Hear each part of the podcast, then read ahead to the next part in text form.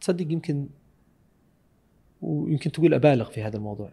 إلى 80 90% من المنشآت يمكن تصدق ما تطلب شهادتك. معدلك أربعة من أربعة ولا خمسة من خمسة بدون مهارات كأنه معدلك صفر. لكن إذا أنت بتعتمد على معدلك فقط أنه بيضمن لك الوظيفة خطأ. وقتها أعتقد خلال سنتين ثلاث سنوات ما راح أحد ينظر لمعدلك أبدا.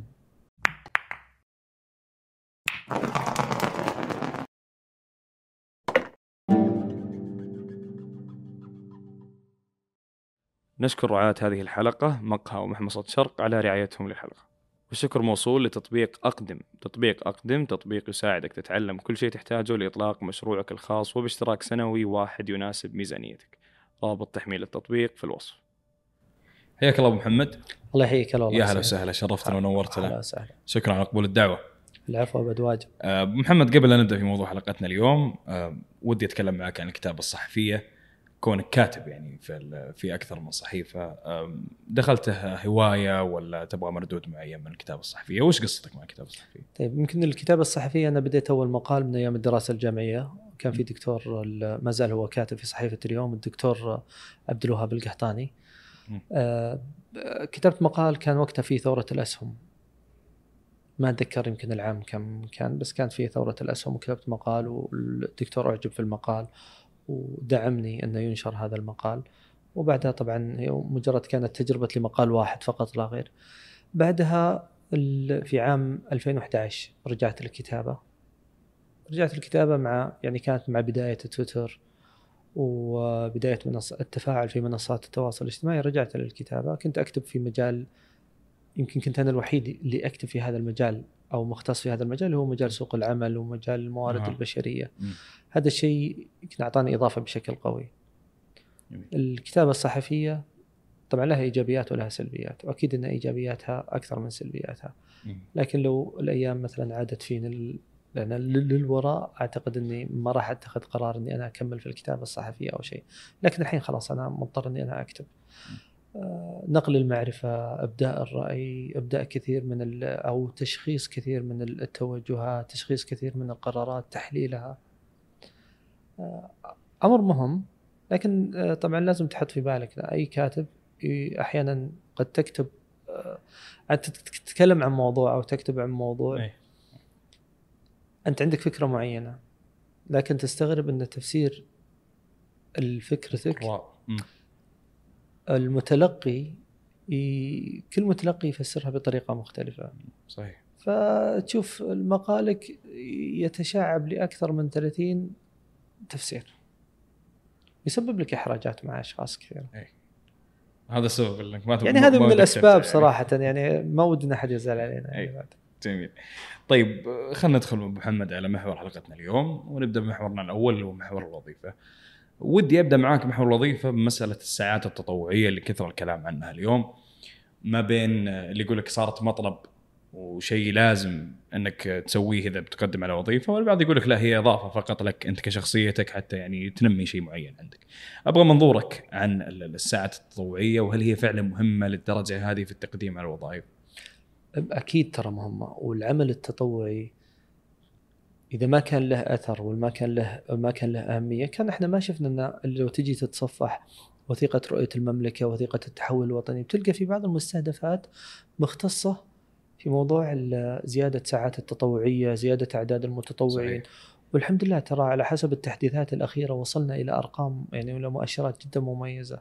م. ويمكن أعتقد أن اجتزنا كثير من المستهدفات اللي إحنا نبغى نحققها في 2030 في هذا الأمر. أي. فالعمل التطوعي له يا أخي ينمي من قدراتك، ينمي من مهاراتك، يرفع من مستوى المهارات الموجودة لك. يوسع دائرة الدائرة المهنية لك، المجتمع المهني لك. تبدأ تتعلم بالاحتكاك مع الغير، تتعلم ال- تتعلم العطاء، العطاء الحالة يعني مردودة ترى على النفس أصلا جميل. صحيح. أنا لما تجيني سيرة ذاتية وفي شخص آه، مهتم في العمل التطوعي أكيد إني راح أنظر له بنظرة مختلفة عن شخص ما قد اشتغل ولا ساعة أي يعني ما قد قدم أي ساعة تطوعية. م. أنا أتكلمك الحين مثلا كموارد بشرية. أي. أقل شيء ممكن أقوله أقول يا أخي هذا بكرة في وقت مثلا احتياج أو عمل موسمي أو شيء ترى ممكن ما ينظر بس الموضوع يقول لك مثلا مجرد overtime overtime overtime أكيد إن النظام يحق له طبعا ال overtime صحيح مم. بس بيعطيني انطباع مختلف عن الشخص وأثبتنا يعني شباب وشابات ال- في المملكة أثبتوا إنهم يعني رمز صراحة للعطاء. نعم. قدموا تطوع وترى على جميع المستويات. أنت لو تشوف نعم. لو تشوف أحد المبادرات أنا إذا ما خاب ظني هي مبادرة تطوع بخبرتك حتى مسؤولين وزراء شاركوا فيها. صارت المره نعم. الثانية المرة الثانية السنة هذه يمكن ثاني موسم لها. يعني جدا جميلة جدا شيء جميل جدا. واللي أتمناه كتبت أنا مقال سابق عن هذا الموضوع ومطبق في أكثر من دولة من الدول الأوروبية اللي هو تأسيس بنك للوقت. تأسيس بنك للوقت إني أنا في أي عمل تطوعي أقدمه يكون هذا مسجل لي بحيث أنا ممكن أستفيد منه عند كبر السن. أستفيد منه يعني في في أي حال من الأحوال. ترى على فكرة في أوروبا أحد التجارب اللي أنا قريتها في شخص كان يقدم عمل تطوعي وعنده ساعات عمل تطوعية وضافها في بنك الوقت. لما تكونت عائلة عند هذا الشخص وصار عنده أطفال دخل يقول لك أنا أبي أصرف هذا ال- الوقت اللي أنا قضيته في العمل التطوعي. فكان يبحث عن متطوعين مقابل الساعات اللي هو قضاها لتعليم أطفاله. يعني مساعدته مساعدته في تعليم. يعني- انت تستبدل الوقت. يعتبر مثل العملة يعني. نعم هي ساعة. أنا قدمت عشر ساعات تطوعية. مقابلها أستاهل مثلا عشر ساعات. خدمات من متطوعين. آه جميل. أقدر أستخدمها. جميل. مم. فوجود مثل هذه المبادرة مبادرة تأسيس الوقت راح تغير يعني بنسبة كبيرة من, من ترى حتى تكاتف المجتمع. صحيح. اليوم صار عندنا منصة وطنية بس ممكن ما وصل لمرحلة تسجيل ال- للساعات كذا لكن ممكن إنها تحصيلك عدد الساعات بحيث إنك ممكن تستفيد منها أعتقد حتى في أبشر ترى ممكن تطلع لك مم. عدد ساعات التطوعية يمكن أظن إي. في منصة إحصاء أتوقع إيه. هي اللي تحصيها طيب خلينا نوسع معك الدائرة دائرة العمل خلينا نقول الغير أكاديمي وبروح للأندية الطلابية لأن أشوف يعني كثير من الطلاب اليوم سواء طلاب الجامعات أو غيره فيه أه، خلينا نقول إهمال أو أه، يعني ما حد مهتم بالأندية الطلابية ومردودها أم، وش رأيك في الأندية الطلابية وهل تنصح الجميع إنه يشاركون فيها؟ طبعا الأندية الطلابية الأندية الطلابية الموجودة في المؤسسات التعليمية قد تختلف آه، جهودها من مؤسسة إلى مؤسسة تعليمية. ممكن نشوف إنها نشيطة في أحد الجامعات أو أحد المؤسسات التعليمية أو الكليات لكن مو بنفس مستوى النشاط في جهة أخرى. أي أنا أعتقد إن الأنشطة الطلابية لم نستفد منها بالطريقة اللي إحنا نحتاجها. يعني أو الطريقة المأمول منها. في مساحة أكبر هو هو مش انتقاد لهم لكن في مساحة أكبر ممكن إنه يقدمونها. هل هذا يرجع للصلاحيات؟ هل هذا يرجع لبعض الأمور؟ ما عندي فكرة عنها صراحة لكن في مساحة كبيرة من المهم إنه يستغلونها، يا أخي لو استفادت الأندية الطلابية استفادت يعني بحكم وجودها مثلا خليني أعطيك على سبيل المثال لو كانت جامعة ولا مؤسسة تعليمية موجودة في في الخبر. است... نربط الحين التطوع. استفيد من الموجودين المتطوعين. يقدم آه، شرح إلى تحدي معين يعرض تجربته ويعرض خبرته. لا تسويها مرة في السنة. خلها بشكل مستمر. يتكلم عن التحديات تحديات الوظيفة تحديات يعني في في أكثر من موضوع ممكن أن تستفيد منها في الأندية الطلابية. الدورات يقدم دورات تزيد من من من مستويات المهارات ومستويات المعرفة لل- للطلاب اللي موجودين. لا نخلي يعني شوف إحنا في عندنا مشكلة في التعليم. لا نخلي الموضوع كله بس تعليم بالقاعات التعليم بالقاعات. لازم شوي نتوسع في هذا المفهوم. إيه. فهنا يمكن يكون في دور مهم للأندية الطلابية يعني لما نذكر العمل ال- ال- الغير أكاديمي يعني لازم يجي السؤال هذا معه يعني. آه، مسألة العمل الأكاديمي ولا الشهادة أو المؤهل. كثير اليوم نشوف وجهات نظر اللي يقول لك الشهادة مهمة لكن ليست الأهم. عملك الأكاد... الغير أكاديمي اكتساب المهارات أهم وناس تقول لك العكس خلك على المعدل العالي وحتى لو كانت شهاداتك أو مهاراتك قليلة. أبى أشوف وجهة نظرك ورأيك عن هذا الموضوع. أنت بتسالني يعني اللي فهمته من سؤالك إيش يعني أهم ال- ال- المهارات ولا أهم ال- الأهم؟ المؤهل التعليمي ولا المهارات؟ طيب شوف إحنا لو بنربط هذا السؤال في موضوع الوظيفة العلم طبعا ما حد يختلف عليه العلم ما تقدر تقول إن العلم مو مهم صحيح لكن خلينا نربط هذا الموضوع في موضوع الوظيفة أي وظيفة موجودة لها يعني تركيبتها آه، من قسمين من المهارات. إحنا نسميها يمكن في علم الموارد البشرية المهارات ال soft skills وال hard skills المهارات الناعمة والصلبة. نعم.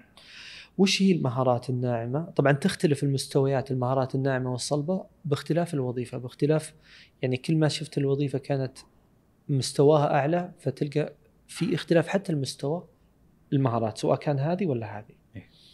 في عندك المهارات الناعمة القدرات اللي يمتلكها الفرد. اللي تساعد المنظمة اللي بيشتغل فيها. هذه ال- ال- ال- الثانية اللي هي المهارات الصلبة.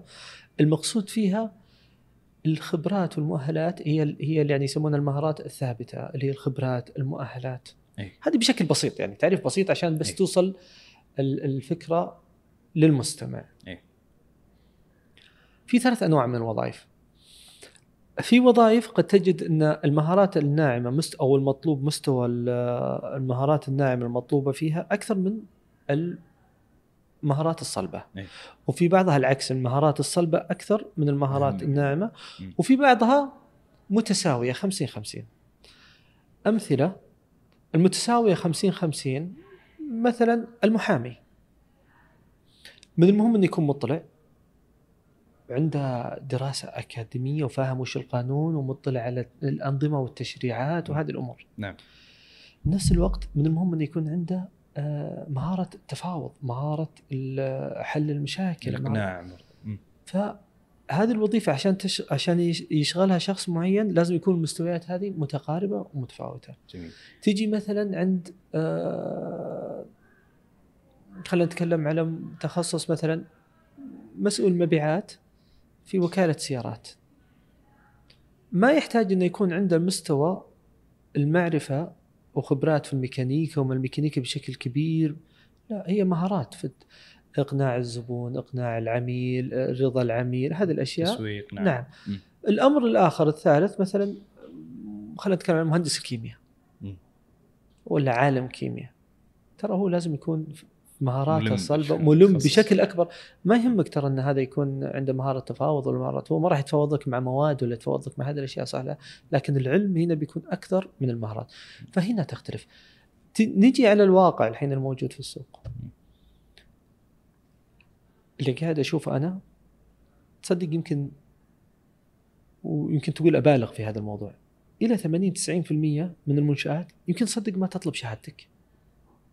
90% أعتقد توصل إلى 90% يعني يقول لك انت من وين متخرج؟ والله متخرج من جامعة مثلا البترول.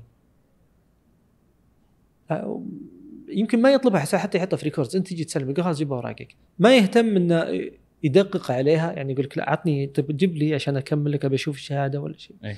يعني نصل إلى 90% صار في تركيز بشكل أكبر على المهارات خاصة المهارات اللغوية. وبس المه- المهارات اللغوية ترى جدا مهمة.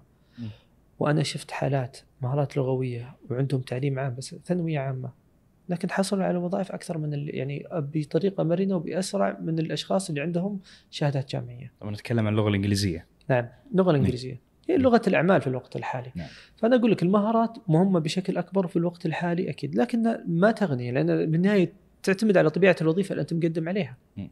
أنت لو بتقدم على وظيفة عالم كيمياء وأنت كيميائي نعم. ما, ما يهمك ما, ما راح يهمهم مهاراتك كثر ما يهمهم العلم وال knowledge اللي موجود عندك وال- وال- والخبرات الموجودة.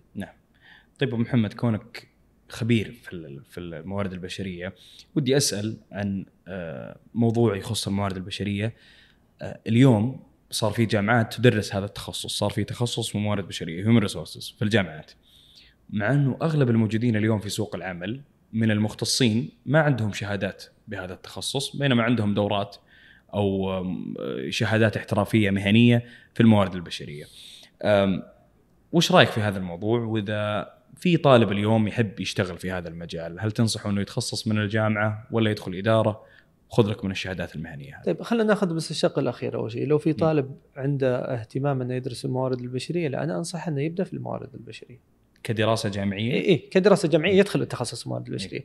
خلينا نتكلم اللي موجودين في السوق.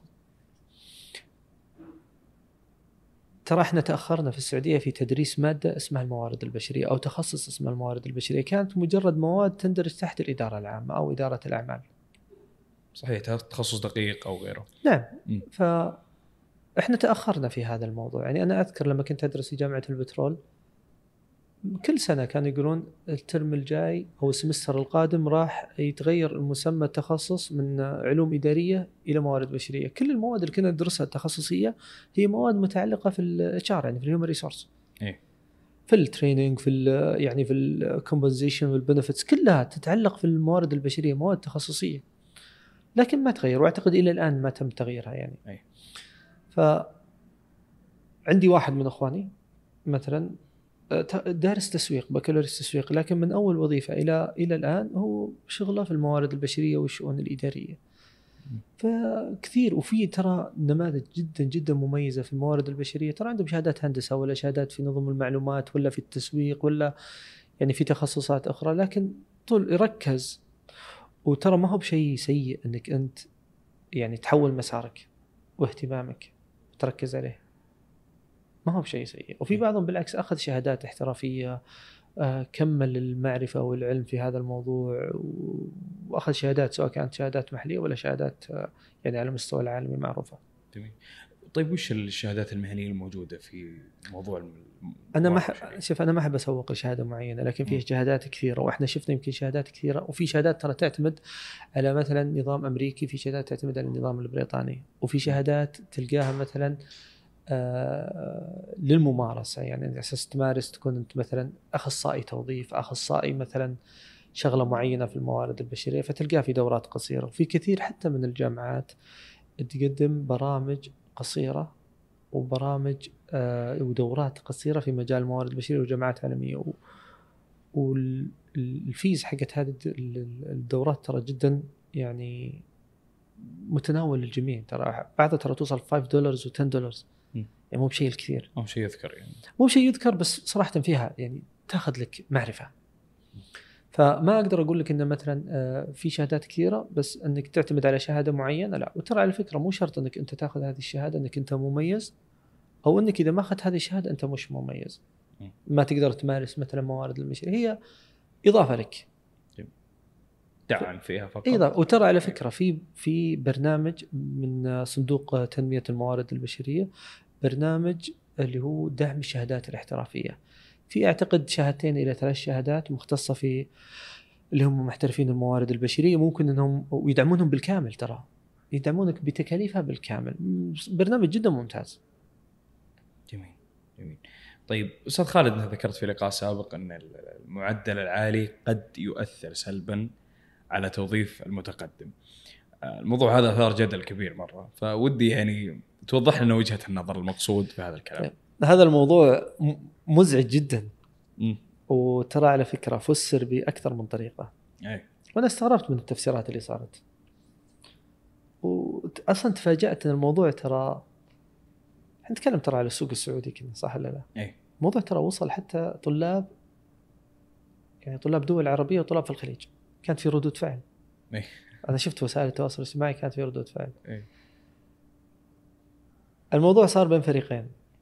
الفريق الأول اللي هم أصحاب المعدلات العالية اي الفريق الثاني أصحاب المعدلات المتوسطة. متدنية. هذا يأيد وهذا يرفض. جميل. فصارت ال... وأنا في النص. أنا تفاجأت في وسط المعمعة. أنا تفاجأت إني أنا في النص يعني في إيه. هذا الموضوع. إيه. خليني أنا أشرح لك هذا الموضوع. وحلو إيه. ترى أتكلم فيه. وبالعكس ترى أنا يعني هذا الموضوع حتى أنا كتبت مقالي الأخير كان عن هذا الموضوع. مم. وقبل فترة يمكن أسبوعين إحنا شفنا وسائل التواصل الاجتماعي انتشر الحديث عن هذا الموضوع وكانت آراء ترى الاختلاف الآراء صحي جدا لأنك تسمع من هنا وتسمع من هنا وتستفيد صحيح. من هنا. تنويع دائما. نعم وكل واحد عنده وجهة نظر تحترم. مم. ما تقدر تقول تعطيني وجهة نظر يقول لك لا ولازم تغيرها لا وجهات نظر هي تختلف في النهايه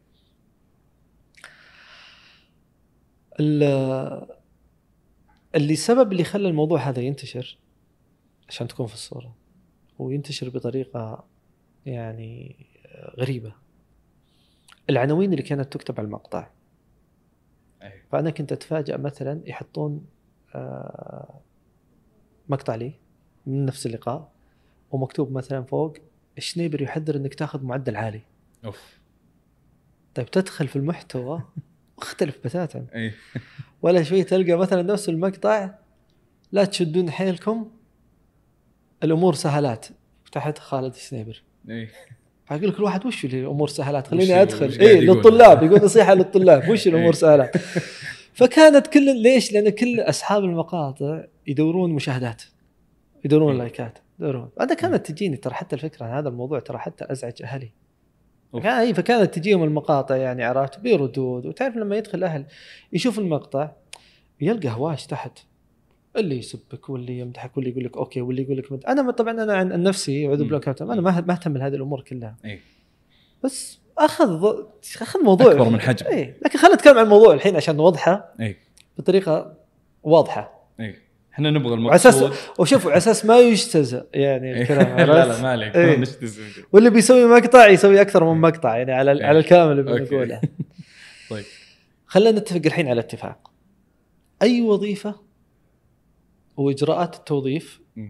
والتعيين تختلف من جهة إلى جهة كل شركة عندها سياساتها وممارساتها اللي تستخدمها في التوظيف وأي وظيفة تختلف متطلبات التوظيف فيها عن وظيفة أخرى لما تجي. بتوظف مدير عام غير لما توظف entry level شخص حديث التخرج. اي لما توظف في وظ... في في منشأة صغيرة غير لما توظف في منشأة عملاقة.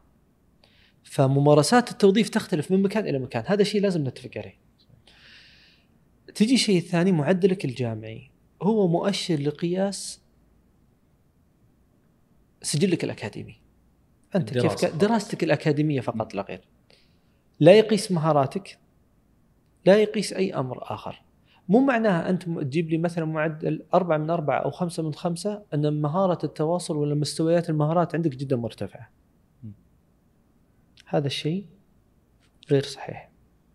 بنفس الوقت ترى مو معناها هي العلاقة مش آه، عكسية بس مو معناها أنك لما يقل معدلك يعني يجيب لي مثلا اثنين من أربعة أن مهاراتك عالية. مهارات أمر آخر. نعم. في بعض الجهات تعتبر وطبعا شوف أنا ما أقلل من المعدل. معدل بس أنا اللي أقول لك إياها بصريحة هذا تقدر هذا يقدرون يأخذونها مقطع الحين. اي أنا يأخذ عرفت. راحتهم اي هذه اي معدلك أربعة من أربعة ولا خمسة من خمسة بدون مهارات كأنه معدلك صفر اي ما ينفع. صحيح. ما منا أي فائدة ولا أي إضافة. ولا وأرجع أقول لك أنا ما أقلل لا من المعدل ولا من الدراسة الجامعية. أي. يعني هذه هذه مهمة.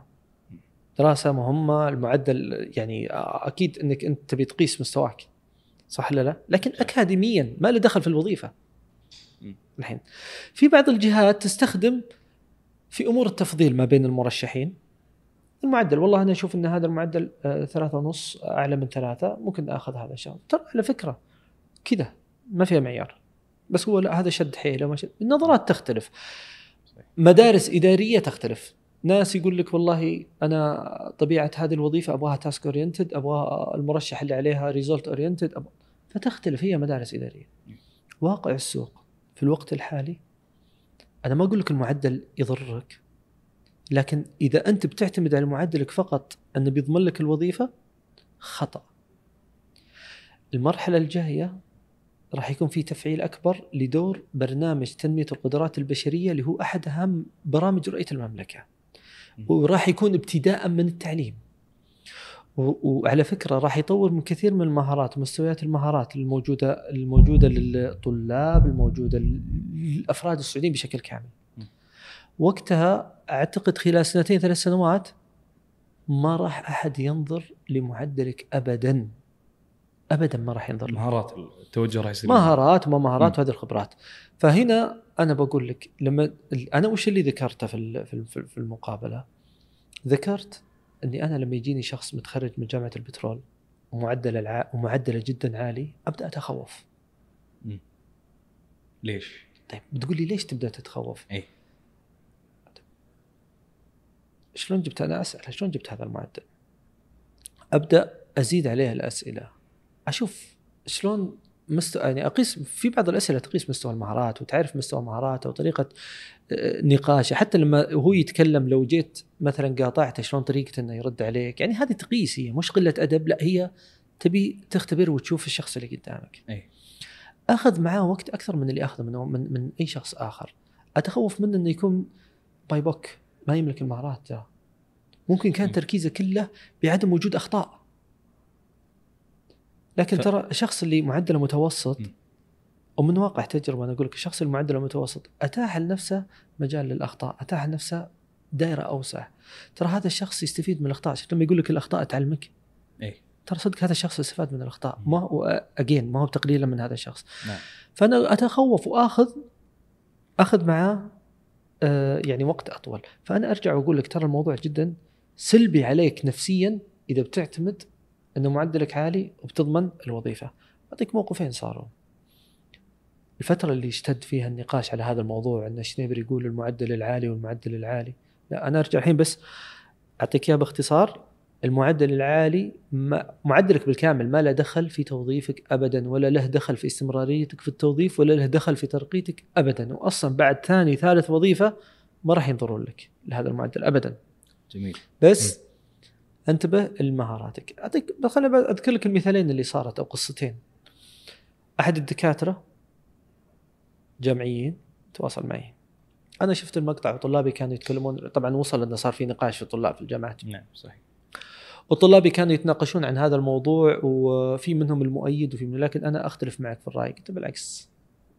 تختلف وعندك وجهة نظر. وش ال- إيش اللي تبي توصل لي؟ إياه؟ المعدل مهم والمعدل مهم وقام حكى لي على قصته. قال أنا يعني تقريبا ماخذ ال يعني أثناء دراسته في البكالوريوس والماستر والدكتوراه الدكتور ذا ماخذ ال highest يعني. level يعني محقق 4 out of 4 3.9 out of 4 يعني درجات جدا عالية. دكتور فاضل واستفدنا منه وتعلمنا منه. فقال لي هذا أنا أعطيك مثال وأنا الحين في أنجح الجامعات وأنا وأنا وأنا وأنا وأكيد الم- المعدل وبيفيدني مستقبلا. أنت تقول شلون ما يفيدك مستقبلا؟ قلت بالعكس هي وجهة نظر صح ولا لا؟ هذا الدكتور قرر إنه يترك التعليم ويتجه إلى القطاع الخاص جميل اتجه للقطاع الخاص وكان معتمد على خبرته الأكاديمية ومعتمد على وأجين معتمد على معدله ترى ما لقى وظيفة. رجع كلمني قال تصدق أنا قعدت سنة كاملة ماني بقادر ألقى وظيفة في قطاع خاص. أوف. لأنه يقول أنا كنت أتوقع ورجعت فتحت له الموضوع. مثال ثاني أو أو قصة ثانية صارت. اتصل علي عن طريق أحد الأصدقاء. آه، كلمني أحد الطلاب وكان حديث تخرج وتوظف هو ومعاه ثلاث طلاب. أنا ما أنساها. دق علي قال لي كلامك غير صحيح. وهذا إحنا الحين تونا متوظفين لنا ثلاثة أسابيع. وفي شركة من يعني شركة من الشركات المميزة. مم.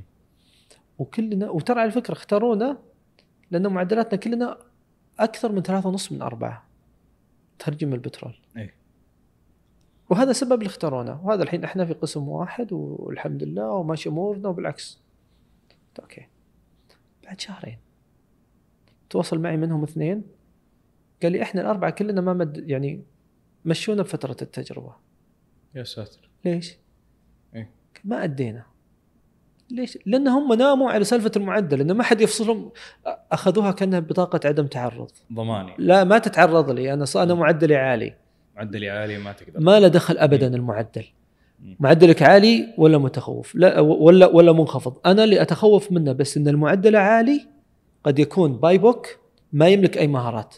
فأبدأ أتخوف آخذ من, من وقت طويل في إجراء اللقاء معه. بس. جميل. طيب أبو محمد كيف ممكن حديث التخرج إنه الآن يجهز نفسه لسوق العمل؟ بسيطة. قبل لا تتخرج بسنة أو سنتين ابدأ بالعمل الجزئي. اللي هو ال part time job نعم والتطوعي. اكتسب الخبرات وخلي الناس تعرفك وابدأ سوق لنفسك. سوي لك ال profile وسو profile حتى في ال LinkedIn ابدأ سوق نفسك وتكلم. حتى لو تشتغل يا أخي ترى إحنا عارفين إنك اللي اللي منظم وقته أيام الجامعة أو أثناء فترة دراسية تلقى آخر semester سمسترين هي فترة راحة عنده مادة مادتين من مشروع التخرج فعنده إيه. وقت لا تقول لي ما ما, عنده. وقت لا تقول لي ما في ما في وقت مم. فابدأ ووصل ابدأ يعني تواصل مع أصحاب الأعمال تواصل لا تنتظر إلى آخر لحظة إنك أنت تتخرج عشان إنك تبحث عن وظيفة هذا الشيء لو طبق أنا أقول لك بنسبة 90% طبعا التوفيق بيد يعني كلها نعم. يعني بيد الله. أكيد لكن بنسبة 99% خلينا اوصل لك يعني انه تسهل عليه أمور كثيرة بيكون جاهز. طبعا إذا كنت طالب وهذه نقطة مهمة وما تملك اللغة اشتغل على نفسك آخر سنة. سنتين طور من لغتك. في كثير من التطبيقات في كثير من الأساليب اللي ممكن تستخدمها لتطوير لغتك الإنجليزية. لغة الأعمال إحنا نعتز في اللغة العربية. مم. لكن المهارات اللغوية جدا مهمة مهمة بشكل ما تتخيل. بشكل ما تتخيل ترى مهمة. التغيير في في قطاع الأعمال كبير جدا.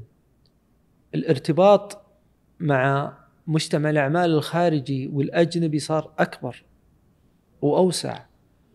ما راح تضيف أي فائدة لأي مكان تشتغل فيه؟ بدون لغة. بدون لغة. هذه نصيحتي. إلى أي مدى طيب يختلف آه، بيئة سوق العمل اليوم عن الدراسة؟ فعلا الفرق شاسع للدرجة هذه يعني؟ اي شوف ترى مرحلة التعليم العام تختلف فيها فيها اختلاف كلي عن مرحلة الدراسة الجامعية وتختلف عن مرحلة الدراسة. تختلف. يا أخي الدراسة بس مجرد إن في اختبارات هذه قلق نفسي لك. لا لا مرحلة ال- ال- الأعمال. في اختلاف كامل. لأن كثير من اليوم نشوفهم موظفين في وظائف معينة تشوف إن مؤهله ما هو أصلا في التخصص هذا. اختلاف شوف إذا جينا إحنا نبي نتكلم على اختلاف التخصص الحين. اي أنا كنت أتكلم على طبيعة العمل. يعني لما قلت لك إن في اختلاف على طبيعة العمل. لكن م. اذا جينا نتكلم على اختلاف إذا كنت تقصد الموائمه ما بين مخرجات التعليم وما بين ال- ال- متطلبات القطاع الخاص وما بين إيش قاعدين يشتغلون هذولي. يعني. إذا كنت تتكلم إن في كثير قاعدين يشتغلون في تخصصات غير دراستهم أو في وظائف غير تخصصاتهم موجودة في السوق بشكل كبير. لكن إحنا لازم نشوف أنا نقطتي إنه هل هذا يعني إنه بيئة العمل مختلفة تماما عن الدراسة؟ يعني أنا أشوف مهندس كهرباء electrical engineer مثلا أشوفه يشتغل في وظيفة ما لها علاقة في الهندسة الكهربائية شوف هنا اتصالات مثلا هنا هنا خلينا أنا بقول لك يمكن هذا يدخلنا على موضوع اللي هو موضوع العمالة الناقصة. هذا مصطلح اقتصادي. راح نتطرق له الآن إن شاء أي. الله ولما نتكلم عن العمالة الناقصة أبى أشرح لك هذا الموضوع بالكامل، لكن خليني بقول لك شيء. أنت تخصصك من المهم انه يكون فيه مرونة، مرونة لأنه شوف تخصصك اليوم قد يكون جزء من تخصص أكبر في المستقبل. وجزء من تخصصك قد يكون تخصص الحالة، يعني إحنا شفنا الذكاء الاصطناعي ترى كان كتاب في أحد التخصصات، الحين صار علم كامل وتخصص كامل صح ولا لا؟ نعم. فلازم يكون في مرونة بحيث إنك أنت توسع من دائرة أو الفرص اللي بتتوظف فيها في نفس الوقت من المعرفة اللي أنت تمتلكها. ما أعتقد انه صحيا للسوق انه لازم الشخص أو كل كل الأشخاص اللي بيتخرجون بيتوظفون بنفس ال- التخصص التخصص. لا لا أكيد إنه بيكون في تغيير، ليش؟ لأن في ترى الموضوع فيه ترقيات. مم. ممكن إن الشخص هذا يمتلك من المهارات، يمتلك خبرة، يمتلك يعني آه، بعض الأشياء تف- افضله عن شخص آخر امسكه قسم كامل تحت هذه الأقسام، هو شخص ليدر يدير. فما له دخل يعني بشكل يعني مو بشكل رئيسي يعني مشكلة بس بس لا يكون في انحراف كبير اي عشان عشان موضوع إيش؟ موضوع العمالة الناقصة، لكن موضوع حنتكلم طب- طبعا على الوظائف ال entry level ال- ما نتكلم على. ما نتكلم على قدام مم. اللي الوظائف المتقدمة، الوظائف المتقدمه مختلف الوضع، حنتكلم على اللي تحت. هنا ندخل في العمالة الناقصة، هذه المواد اللي يمكن نذكرها بعد شوي.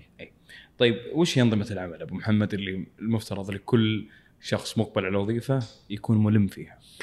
أصلا المفروض ما في طالب يتخرج من الجامعة إلا ماخذ اختبار في نظام العمل. اختبار م- المفروض مم. المفروض ما في طالب يتخرج من أي دراسة جامعية الا الا يكون في اختبار مختص في نظام العمل السعودي. ليش؟ عشان يروح يطلع ويقرأ آه نظام العمل ويرجع. هي معرفة حقوقك وواجباتك أشياء رئيسية. في أشياء ما تخصك أنت كطالب يعني أو عامل. تكلم النظام العمل يحكم العلاقة ما بين العامل وصاحب العمل. ما تخصك أنت تخص أصحاب العمل. لكن الأشياء اللي تخصك أنت كعامل لازم إنك أنت تقراها تجي بتسألني في أشياء كثيرة أشياء اللي تخص في التوظيف الأشياء اللي تخص في ال- المختصة في مثلا في ال- المميزات اللي لك مثلا زي الإجازات زي الإجازات الحين ترى كثير تصدق من حديثين التخرج تيجي تسأله تقول له كم عدد أيام الإجازات المسموحة لك؟ كم عدد أيام الإجازة لك أنت لما تتخرج يعني حسب النظام مم. أنت كم توقعت؟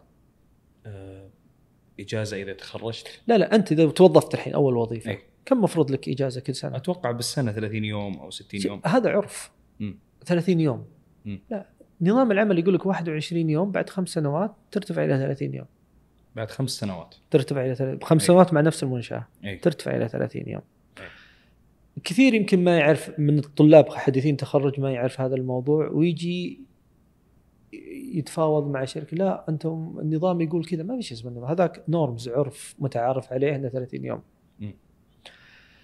مواد العمل مواد نظام العمل كلها مهمه انك تعرفها إنك عشان تعرف حقوقك وواجباتك أفضل طريقة إنك تتعرف على نظام العمل وأهم المواد تعرف وش هي ال- الحين إحنا نشوف ال- القضايا العمالية اللي ممكن تصير دائما في بعض المواقع تحط الأحكام. اللي تم اصدارها وتكتب فوق إيش القضية وتحت الحكم أي وفيها استنادات واستنادا للمادة كذا من نظام العمل نعم. استناد نعم. الماده كذا من مم. هذه أفضل طريقة إنك تتعلم. أنا والله تعلمت منها شيء كثير. تعلمت منها أشياء كثيرة. بالرغم من اختلاف يعني في اجتهادات قضائية وبالرغم من اختلاف ال- الأحكام لكن تستفيد منها. أنا أنصح أي طالب وأنصح أي خريج وأنصح أي موظف موارد بشرية. اقرأ تصفح نظام العمل. ولو ما تبغى تتصفح ادخل على اليوتيوب ولا على وسائل التواصل في بعض وسائل التواصل منصات التواصل الاجتماعي بتلقى فيها تتكلم لك ناس تتكلم لك نعم ناس تتكلم نعم. في بعض المساحات قانونية في مثلا في تويتر يتكلمون على أهم مواد نظام العمل ادخل يا أخي استفيد منها والمجتمع المهني والنقاشات ترى النقاشات تفتح علينا يعني تفتح المساحات توسع من نطاق النظرة إلى مادة معينة إيه. إيه. فما في كلها مهمه الأشياء اللي تخص اللي تحكم العلاقة بينك وبين صاحب العمل مهمة جميل طيب محمد خلينا ندخل على محور الم- الموارد البشرية الآن بنتخصص فيه شوية طيب. أه، وخليني أبدأ بمسألة الوظائف عالية المهارة أه، وش هي الوظائف هذه عالية المهارة وهل السعوديين يغطون نسبة كبيرة منها؟ إيش تقصد في وظائف عالية المهارة؟ هل تقصد الوظائف اللي تتطلب مهارات تذكر أنا قلت لك يمكن في. بداية اللقاء كنا نتكلم على على تركيبة الوظائف أي وذكرت لك كل ما ارتفع مستوى الوظيفة بترتفع معها مستوى المهارات. أي. إحنا خلينا نجيبها بطريقة ثانية السؤال م.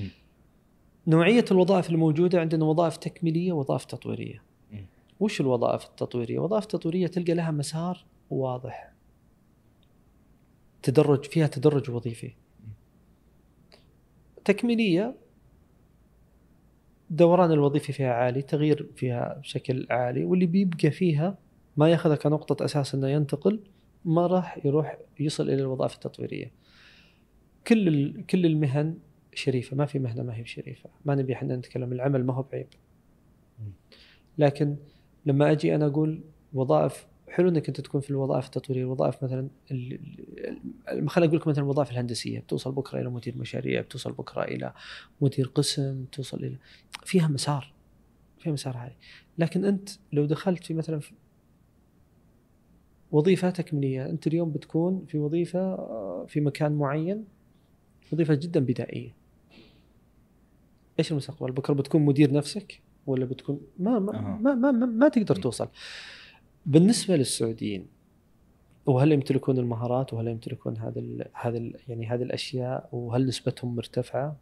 أنا اللي قاعد أشوفه بنسبة كبيرة جدا في تطور لمهارات السعوديين في السوق بشكل ما تخيله.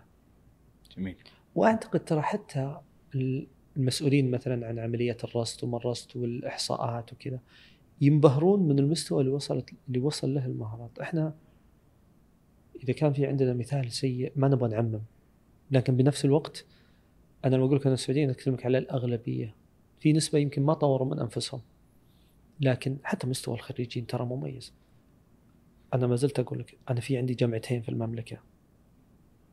أنبهر من الخريجين يعني من مخرجات التعليم اللي فيها. مخرجات اللي قاعدين يتخرجون من هذه الجامعتين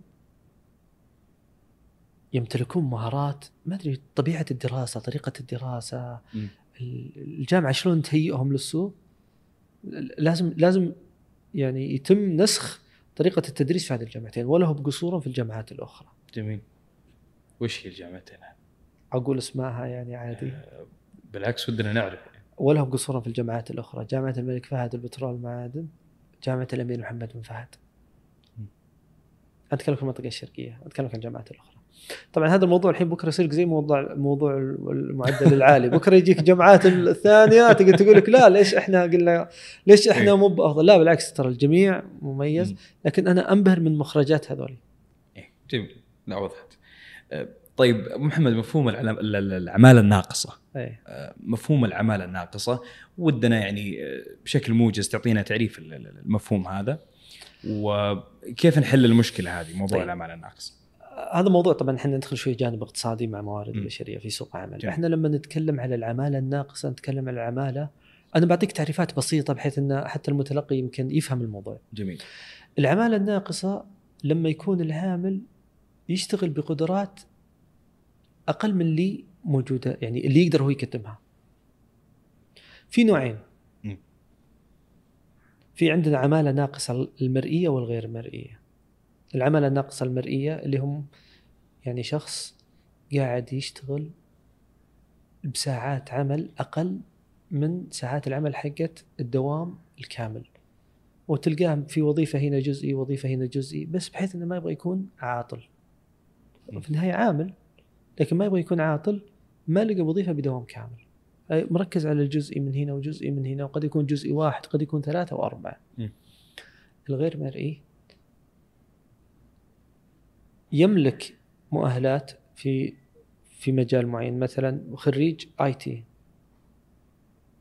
لكن ما لقى وظيفة في مجاله قاعد يشتغل في وظيفة مثلا كشير في محل ولا بائع في محل. هذا يعتبر من العماله الناقصة. هذا المفهوم ترى موجود في سوق العمل. وتجده بشكل كبير في في في المنشآت الصغيرة والمتوسطة. موجود. يعني نقدر نقول الأعمال الناقصة هي عمال يعملون في أماكن ما تسد آه، خلينا نقول احتياج العمالة الناقصة عندما يعمل العامل بأقل من اللي يقدر يقدمه. أها. العامل يقدر يشتغل دوام كامل لكن ما لقى وظيفة بدوام كامل. العامل يقدر يشتغل في تخصصه لكن ما لقى وظيفة في تخصصه. جميل. هذه كذا بشكل مبسط جميل. شلون إحنا نقلل من هذا الموضوع؟ لا نركز في قرارات التوظيف قرارات التوطين عفوا لا نركز على المهن التكميلية. خلينا نركز على المهن النوعية. وإحنا شفنا الفترة الأخيرة لما صار في تركيز على المهن على توطين النوعي حتى الوزارة تفاجئوا بالأرقام الإيجابية اللي قاعدة تتحقق بشكل سريع. هذا واحد، الشيء الثاني دور المنشآت وأصحاب الأعمال في تطوير الموظفين. في توفير فرص التوظيف. فهذا له دور جدا مهم. لأن له تأثير كبير ترى حتى على التراكم المعرفي في داخل سوق العمل تبادل الخبرات تبادل المع... له تأثير كبير جدا أي. أنا أتمنى ترى على فكرة موجود في أي اقتصاد لا مستحيل تلقى اقتصاد ما في هذا الشيء. لكن أتمنى أن وأنا اللي قاعد أشوف أن إن شاء الله إحنا قاعدين في مرحلة قاعدين نقلل من وجود العمالة الناقصة بإذن الله. أن ما نستمر عليه جميل. طيب خلينا نتكلم محمد عن الاحتراق الوظيفي. آه المسألة هذه كثرت يعني عند الموظفين تغيير بيئة العمل كل شوية واللي يقول لك آه، الوظيفة هذه احتراق فيها الوظيفي عالي. وش مفهوم الاحتراق الوظيفي وكيف نعالجه؟ شوف اخ سيف موضوع الاحتراق الوظيفي جدا مهم م. لكن خليني بسألك آه، سؤالين قبل م. ترى ما في حد يروح الدوام أنت لازم تحط قاعدة أنت تروح الدوام عشان تؤدي أمانة ومقابل هذا العمل تاخذ أجر نعم. صح ولا لا؟ صحيح إذا أنت تاخذ راتبك في وقته ما يجي يوم 30 إلا أنت ماخذ راتبك ما أعتقد بتوصل أي مرحلة من الاحتراق الوظيفي، إذا في احترام داخل بيئة العمل ما في احترام ما في احتراق وظيفي، إيش الاحتراق الوظيفي؟ تبي تقول لي والله أنا آه مليت مض... من. م- مليت هذا مو باحتراق وظيفي مم. احترام وتاخذ أجرك في نفس الوقت معناها ما تنطبق عليك الاحتراق الوظيفي. أنا مع احترامي لأي شخص يقول لك هذا احتراق وظيفي. اذا وش هو مفهوم الاحتراق؟ الاحتراق الوظيفي إنه يجي بيقول لك طبعا له دخل في الصحة النفسية له دخل بسبب النزاعات اللي تصير ممكن داخليا وبتصير كذا. أها. ترى على فكرة لو عندك القدرات وعند طورت من نفسك الله ما أعطانا هذه النفس عشان نهينها. أي شيء يضايقك ابعد عنه يا أخي.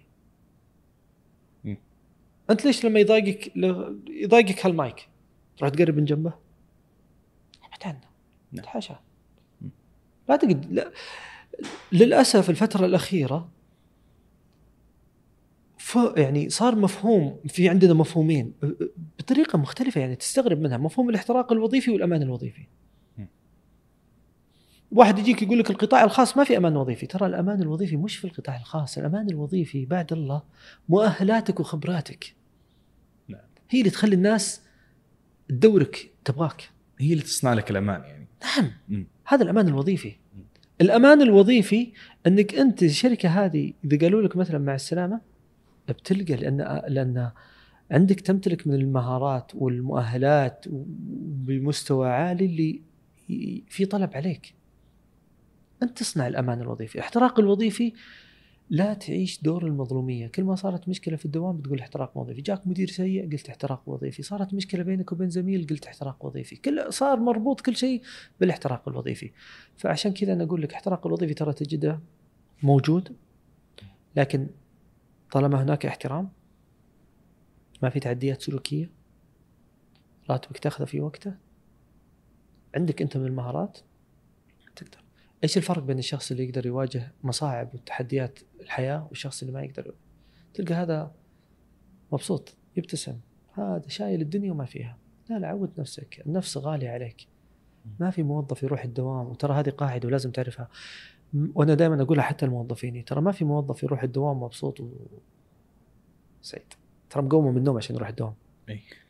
ولا في صاحب عمل ترى يروح الدوام. بيكون لا بيجي بيشوف تحديات وبيشوف بيشوف خلينا ننبسط كلنا لما نحقق إنجازات وأهداف. بس مو نجي نقعد ننكت عشان نقول ما ندخل في احتراق وظيفي. حتى لما لما تيجي تقول ترى مديري سيء مديري أنت تعرف أنا اجين هذه وجهة نظر بعد.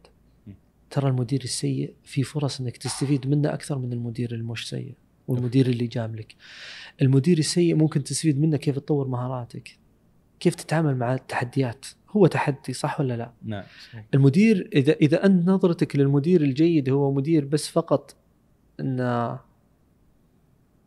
يسمح لك تستأذن يسمح لك مدري إيش ما راح تستفيد منه وكل هذه عشان تنطبق وتكون وتكون مطبقة بطريقة صحيحة ويكون كلامي صحيح أرجع أقول لك ما يكون فيها أي أثر في تعديات سلوكية أو قلة أدب في التعامل. فالمدير السيء ولا مدير المدير اللي يضغطك تتعلم منه بشكل أكثر من غيره. والله ما تنساها. أنا كان يمر علي أول مدير لي. كان يضغطني ضغط في العمل مهام يعطيني إياها بشكل ما عاد أقدر ألحق. متى عرفت مع متى عرفت قيمتها؟ بعد فترة. بعد فترة عرفت قيمتها. كان يخليك تبذل كل اللي عندك يعني ابدا. وليش؟ لأنه كان يشوف فيني وكان يقول لي بعد فترة طبعا إيش قال لي؟ قال أنا كنت أشوف فيك إنك أنت تقدر تنجز. فعشان كذا لا تنض مديرك اذا أعطاك مهام مو معناها سيء. ولا تجي تقول أنا احتراق وظيفي. فلازم هذه مصطلحين، أمان الوظيفي إحنا شرحناه والاحتراق الوظيفي وضحناه. لا ابعد عن السلبية، ابعد عن الناس السلبيين اللي كل ما صار شيء قال لك احتراق وظيفي، كل ما صار شيء قال لك احتراق وظيفي. تصدق في مقطع أنا أمس شفته لو في عندك شخص سلبي يعني ينشر السلبية مش سلبي ينشر في بعض ال- في بعض الأشخاص تلقاه منتج لكن يمشي وينشر السلبية أي. لازم يطلع من من من من فريق العمل عندك لو كان أفضل شخص في الإنتاجية. طلع من فريق العمل كثرة السلبية تقلل من إنتاجية المنظمة بشكل كامل. أبعدوا عن النصيحة أنا أقولها حتى للطلاب وحديثين التخرج وحديث هذا المصطلح لا تحطه في بالك. أنت شايف إنك أنت تقول والله احتراق وظيفي أنا مو بعجبتني بيئة العمل أنت بينك وبينهم عقد عمل صح ولا لا؟ خلص عقد العمل انتقل إلى عمل آخر. موضوع جدا بسيط. جميل جميل. طيب خلينا نرجع أبو محمد لبرامج آه، تنمية ال- ال- القدرات البشرية. آم، هل هي يعني برامج لها فوائد ملموسة ولا نقدر نقول حركة إعلامية؟ ليش الكلام هذا؟ لأن بعض ال- ال- الأهداف ومن ضمنها واحد من الأهداف كان العناية باللغة العربية. طيب العناية باللغة العربية بس اليوم لما تتقدم الوظيفة أول شيء يسالك عنه اللغة الإنجليزية. فهل لها فوائد فعلا ملموسة ولا هي مجرد شو يعني خلينا طيب. نقول؟ خليني آه، أتكلم لك على قصة صارت أثناء مؤتمر اللي صار فيه الإعلان عن رؤية المملكة. مم. أنا كنت من الحضور المؤتمر وتشرفت إني أنا أحضر هذا المؤتمر الاعلان عن رؤية المملكة. مم. وجهت فيه سؤال لسيدي ولي العهد حفظه الله الأمير محمد بن سلمان وقلت له طال عمرك يعني إحنا نبارك لأنفسنا الاعلان عن رؤية المملكة وأكيد يعني في هل في هناك يعني برامج على أساس إن إحنا ندعم نجاح رؤية المملكة برامج نجهز فيها القادة كان كلام رد الأمير محمد بن سلمان الله يحفظه بالتأكيد وابتداء من التعليم الامير سلمان قال بالتأكيد والقادة موجودين في كل القطاعات مو بس الحكوميين. الرياضي وال... في, في كل القطاعات ذكر الامير سلمان وكان ويعني حتى كان رد يعني سمو الأمير اللي يشوف الرد ويشوف التوجهات اللي قاعدة تصير في المملكة من عام 2016 منذ الإعلان عن رؤية المملكة إن في برنامج قادم مختص في تطوير وتنمية القدرات البشرية السعودية. وهذا اللي شفناه. صار الإعلان عن برنامج تنمية القدرات البشرية. أكيد إن في أكثر من مبادرة تحته. واحدة من المبادرات المهمة اللي تم الإعلان عنها اللي هي مبادرة مسرعة المهارات. واحدة من أهم مبادرات وزارة الموارد البشرية. هذه المبادرة تكفي. إيه. أنا كنت أتمنى من وكتبت على هذا الشيء من زمان. كنت أتمنى يكون عندنا برنامج وطني يعني للمهارات موجود في في المملكة. أخي نمي المهارات بشكل أكبر. أكيد في ارتباطات مع جهات أخرى برنامج تنمية القدرات البشرية لكن اللي أنا مطلع عليه اللي هو برنامج مسرعات أو مبادرة مسرعات المهارات. في تقول لي الاعتزاز أو مثلا ال- الاهتمام باللغة العربية. إحنا كلنا نعتز باللغة العربية. لكن قد يكون اللغة العربية مثلا في أمور ترجمة في أمور أخرى في أنا ما أدري إيش المقصود فيها في أمور القواعد في أمور اللغة العامة اللغة الفصحى ما أعرف إيش المقصود في هذا في هذا الجانب ولا اطلعت على شيء زي كذا. لكن أنا متأكد في جوانب كثيرة حتى تشمل أشياء. تنمية قدراتك مو بس ترى في العلم ممكن تكون في الرياضة ممكن تكون تنمية قدراتك في أمر آخر. فالبرنامج واسع ترى البرنامج شفت هذا البرنامج أنا متأكد إنه راح يتم استنساخه في كثير من الدول راح يأخذون تجربة السعودية أي شيء بتسويه في هذا البرنامج هو في قصة نجاح إيه. لأنه يبدأ من التعليم وما, شيء. وما يوقف عند. سن معين نعم. يعتبر قصة نجاح طيب محمد كونك مختص في الموارد البشرية نشوف كثير من مسؤولي الم- الموارد البشرية اليوم في المقابلات يتكلمون دائما عن ترتيب الوقت. عن؟ ترتيب الوقت. إيه. إلى أي مدى السؤال هذا مهم يعني؟ جميل إن هذا النقاش كان أمس. مم. اتصل علي أحد الموظفين. إيه. صديقه وجدا متضايق يقول أنا رئيسي يخليني أشتغل 12 13 ساعة. شغل ما يخلص. أنا بروح أدور آه، وظيفة في مكان ثاني وبقدم على مكان ثاني طبعا أنا كنت أسمع له يعني وقاعد يفضفض اللي أي. فيه قلت له طيب بس أنت تتوقع لما تروح مكان ثاني بتلقى وظيفة؟ قال أنا لو أقول لهم إني أنا أشتغل 12 ساعة 13 ساعة في اليوم هذه إضافة لي قلت ترى بالعكس مو شيء زين قال ليش مو شيء زين؟ ليش؟ يا أخي وين ال time management skills حقتك؟ مهارة إدارة الوقت. أنت ممكن تشتغل هذا ال- ال- العدد من الساعات في موسم أعياد أو موسم اللي خاص في النشاط، صح ولا لا؟ مم. بس بتقعد طول وقتك بتشتغل طول أيامك بتشتغل 12 13 ساعة معناها أنت عندك مشكلة في إدارة الوقت. والأكبر من كذا عندك مشكلة في إدارة وقت حتى فريق العمل اللي معك. time management very important مرة مهمة ترى ومهارة مهارة وكان وتشوف ترى في كثير من الدورات فيها مو معناها إنك أنت تجي تشتغل أوقات كثيرة ترى شيء إيجابي ما ينظر لها بشكل ما ابدا ما ينظر لها بشكل إيجابي أي. فهذا اللي أنا حاب أوصلها على موضوع إدارة الوقت. و- ولازم تعرف إنك أنت إذا بتشتغل أي ساعات عمل إضافية في حسب النظام في عندك إيش؟ أجر اللي هو العمل الإضافي ومنصوص عليه في نظام العمل وطريقه حسابه وطريقه تكلفه تكلفته على المنشأة. طيب أبو محمد مسألة الرفاهية النفسية للموظفين هل نقدر نقول إنها ثقافة شبه معدومة عندنا في السعودية؟ وهل هي مطلب إلزامي لنجاح الشركات اليوم؟ خلينا نجيبها بطريقة ثانية أنت تبغى منشأتك تكون جسر للغير ولا مميزة؟ مم. مين أكثر شيء يسوق لك أنت؟ موظفينك. نعم تعال قدم عندنا تعال إحنا عندنا تعال إحنا موجود عندنا هذا الشيء صح ولا لا؟ ترى في ممارسات بسيطة لو تسويها أنا الحين شوف أنا اتكلم لك عن المنشآت خلينا نتكلم اللي عندهم مكاتب إدارية وعدد موظفين فيها أكثر مثلا من 8 10 إيه. أنت تقدر تتكلم على بيئة مقر مم. مش محلات. في ممارسات بسيطة تقدر تسويها تعتبر ترى رفاهية للموظفين حتى لو حتى لو تخلي الموظف يشتغل عن بعد يا أخي تسوي لك سياسة إنه يشتغل عدد معين عن بعد في السنة. تحط لك في التقويم مرتين لونج ويكند أشياء ترى الموظف ينظر لها رفاهية. عرفت؟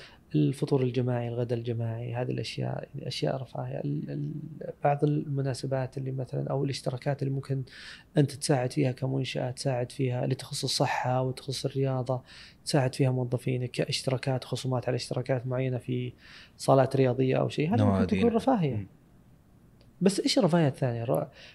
لا يجيني أحد يقول لك الرفاهية إني يزيد راتبي كل سنة. ولا لازم يسفرني كل سنة، هذه مش رفاهية. نعم. هذه أمور أخرى. أنا صراحة مروا علي كثير من المنشآت الصغيرة. تلقى بيئة العمل جدا مميزة جذابة. تسمعهم تسألهم يقول لك إحنا عندنا المبادرة مسوين مثلا سياسات تهنئة الموظف في مناسبات معينة أشياء كثيرة بسيطة جدا أشياء بسيطة تصدق في واحدة من المنشآت حتى قاعة الاجتماعات كل شهر يغيرون اسمها باسم أحد الموظفين. هذه قاعة خالد ترى الشهر الجاي قاعة سيف. حسب الأداء. يعني. في منشآت تهتم. في منشآت طبعا ما تهتم. بعدين ترى الوظائف تختلف. أنا لما أجي أسولف لك عن الرفاهيه موجودة عندي في الشركة. قد تكون مختلفة عن مثلا نشاطك أنت قاعد تشتغل مثلا أنت مشرف على محطات وقود في منطقة تطلع بالحر والرطوبة وكل شيء وتقول والله الشركة ما طب أنت طبيعة عملك تختلف ترى. فلازم نفرق ترى بين بين طبيعة العمل أكيد انه يمكن صاحب العمل عندك أو الشركة بيكون في عنده مثلا آه، برامج رفاهية لك مختلفة أو يعني بعين الاعتبار أكيد يحطها. للوظائف الميدانية. أبدعوا من المنشآت الصغيرة عندنا أبدعوا في يعني في في خلق رفاهية صراحة للموظفين. وفي وفي منشآت لا كان سر إلى الآن ما حالهم نفس حال 20 سنة قبل. ما طوروا. ما في أي تغييرات. ما في أي تغيير. وهذول ترى. يخسرون موظفين. نعم. وترى أحيانا الموظف ترى ما ينتقل عشان الراتب ينتقل عشان المدير ينتقل عشان طريقة العمل ينتقل عشان بيئة العمل. عادي أنا أروح بنفس الراتب. أنا أعرف شخص حاليا راتبه 55000 مم. وظيفة قيادية. راح قبل في وظيفة ب 45000 بسبب بيئة العمل. صحيح. عامل مهم جدا. يقول لك أنا نفسيا. أبي أنتقل وأروح نفسيا. فأنتقل. انتقل له. بالرغم من الراتب العالي. ما يهم الراتب. بس أرجع أقول لك ابدعوا شبابنا وشاباتنا صراحة في كأفكار في مجال آه، رفاهية الموظفين. أبدعوا أبدعوا أبدعوا. وإحنا ترى قاعدين نطبق يعني إحنا عندنا في شيء. طبعا إحنا في الشركة عندي في شيء بس يمكن أنت ما تعتبره أنا ما بعتبرها رفاهية. لكن هذا توجه إحنا مسوينه.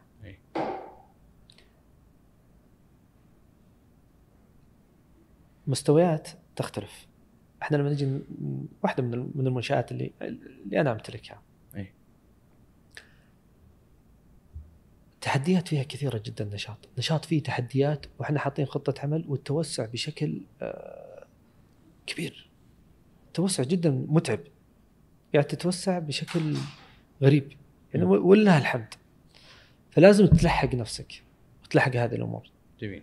فلما نجي نوظف شخص تلقانا نسوي يمكن مقابلات على 40 50 أحيانا نصل إلى 60 70 مقابلة على أساس نلقى الشخص المناسب لأن ندور على مهارات معينة. مهارات يمتلك مهارات وأحيانا نعطيه كيس إنه يشتغل عليها وكيف تشوفها وكيف تحللها وكيف كذا وناخذ رأيه. ليش؟ إحنا نبغى نوظف شخص يبقى معنا مو بس سنة. عارفين إن التحديات السنة الثانية أصعب لأن خارطة الطريق تقريبا واضحة بالنسبة لنا مرتبة. أي. حاطينها. أخذنا توجه. وهذا التوجه اللي هو إيش؟ في كل ريفيو سنوي للموظفين. إذا شفنا إن موظف اذا شفت أنا مثلا سيف ما راح أجدد عقده. أنا أجيبك. قبل لا ينتهي عقدك بخمس أشهر أو أربع أشهر. تعال يا سيف. مو معناه أنت سيء. هذا لازم تحطه لأنك أنت لو سيء أصلا ما اخترناك من البداية. جميل. لكن المرحلة الجاية اللي إحنا بندخل فيها نحتاج مهارات أو مستوى مهارات أعلى. البنش مارك صار بين الموظفين الموجودين. قاعدين يتطورون لكن هو أنت يا سيف ما تطورت. بتواجه صعوبات كثيرة في انتقالنا إحنا للمرحله الجاية. بالرغم إن إحنا اعطيناك كل الأدوات عشان ما حد يقول لي مثلا ما أعطيته الفرصة. مم. هذا الشخص نقول له حدد سيرتك الذاتية أنا مستحيل أطلع خاصة من بعد أزمة الكورونا مستحيل أطلع موظف من عندي ما أجدد عقده إلا لما ألقى له وظيفة. جميل. مم. مستحيل. وعندي أمثلة أقدر أجيب لك إياها. اللي بيط- بيطلعوا لك ترى في وسائل التواصل. بيقول لك هو هذا يدعي المثاليه ما يدعي أنا مستحيل أطلع موظف من عندي من بعد فترة من بعد فتره من بعد أزمة الكورونا. طبعا أترك الموظف اللي ي... مثلا يخون الأمانة اللي ما يؤدي هذا مختلف هذا فصل. هذه عقوبة نعم. لكن في. وقت التجديد الموظف اللي التوجه مديره عندي في الشركة أو مسؤول المباشر في الشركة إنه ما يبغى يجدد له أنا قايل له ما تبغى تجدد لهذا الموظف ما يطلع إلا يلقى له وظيفة. وترى إحنا نساعده ونحط recommendation أنا. شخصيا بعد أساعده في هذا الشيء وأحط له recommendation وتجي تسألني لو ما لقى وظيفة أنا عندي واحدة من الموظفات باقي في عقدها ما يقارب ثلاث أشهر. جتني وساعدناها في وظيفة. وحصلت على وظيفة أعلى من من الراتب اللي تاخذه حاليا 30% ما شاء الله. مع انها هي تفاجأت بخبر عدم إيش؟ م. تجديد عقدها. لكن حصلت الخير. إحنا معك. هذه يمكن تعتبرها رفاهية. ممكن الموظفين صاروا يقول لك لا أنا يا أخي أعيش مرتاح. في عندي موظف آخر سوى مقابلتين شخصيات لكن ما اجتازها إلى الآن. إحنا معطينا خبر إنه ما راح يكون في تجديد. لكن بيبقى. إذا خلص عقده حتى لو يشتغل معنا بعقد مختلف أو عقد جديد لكن بنفس الأجر وأنا بستمر على هذا التوجه. ما راح أطلع أي موظف أو ما راح أي موظف ما راح نجدد عقده أو مس أو مدير المباشر عندي في الشركة ما راح يجدد عقده لازم نشوف له وظيفة أخرى. ما يطلع يقعد في بيته بدون وظيفة. جميل جميل.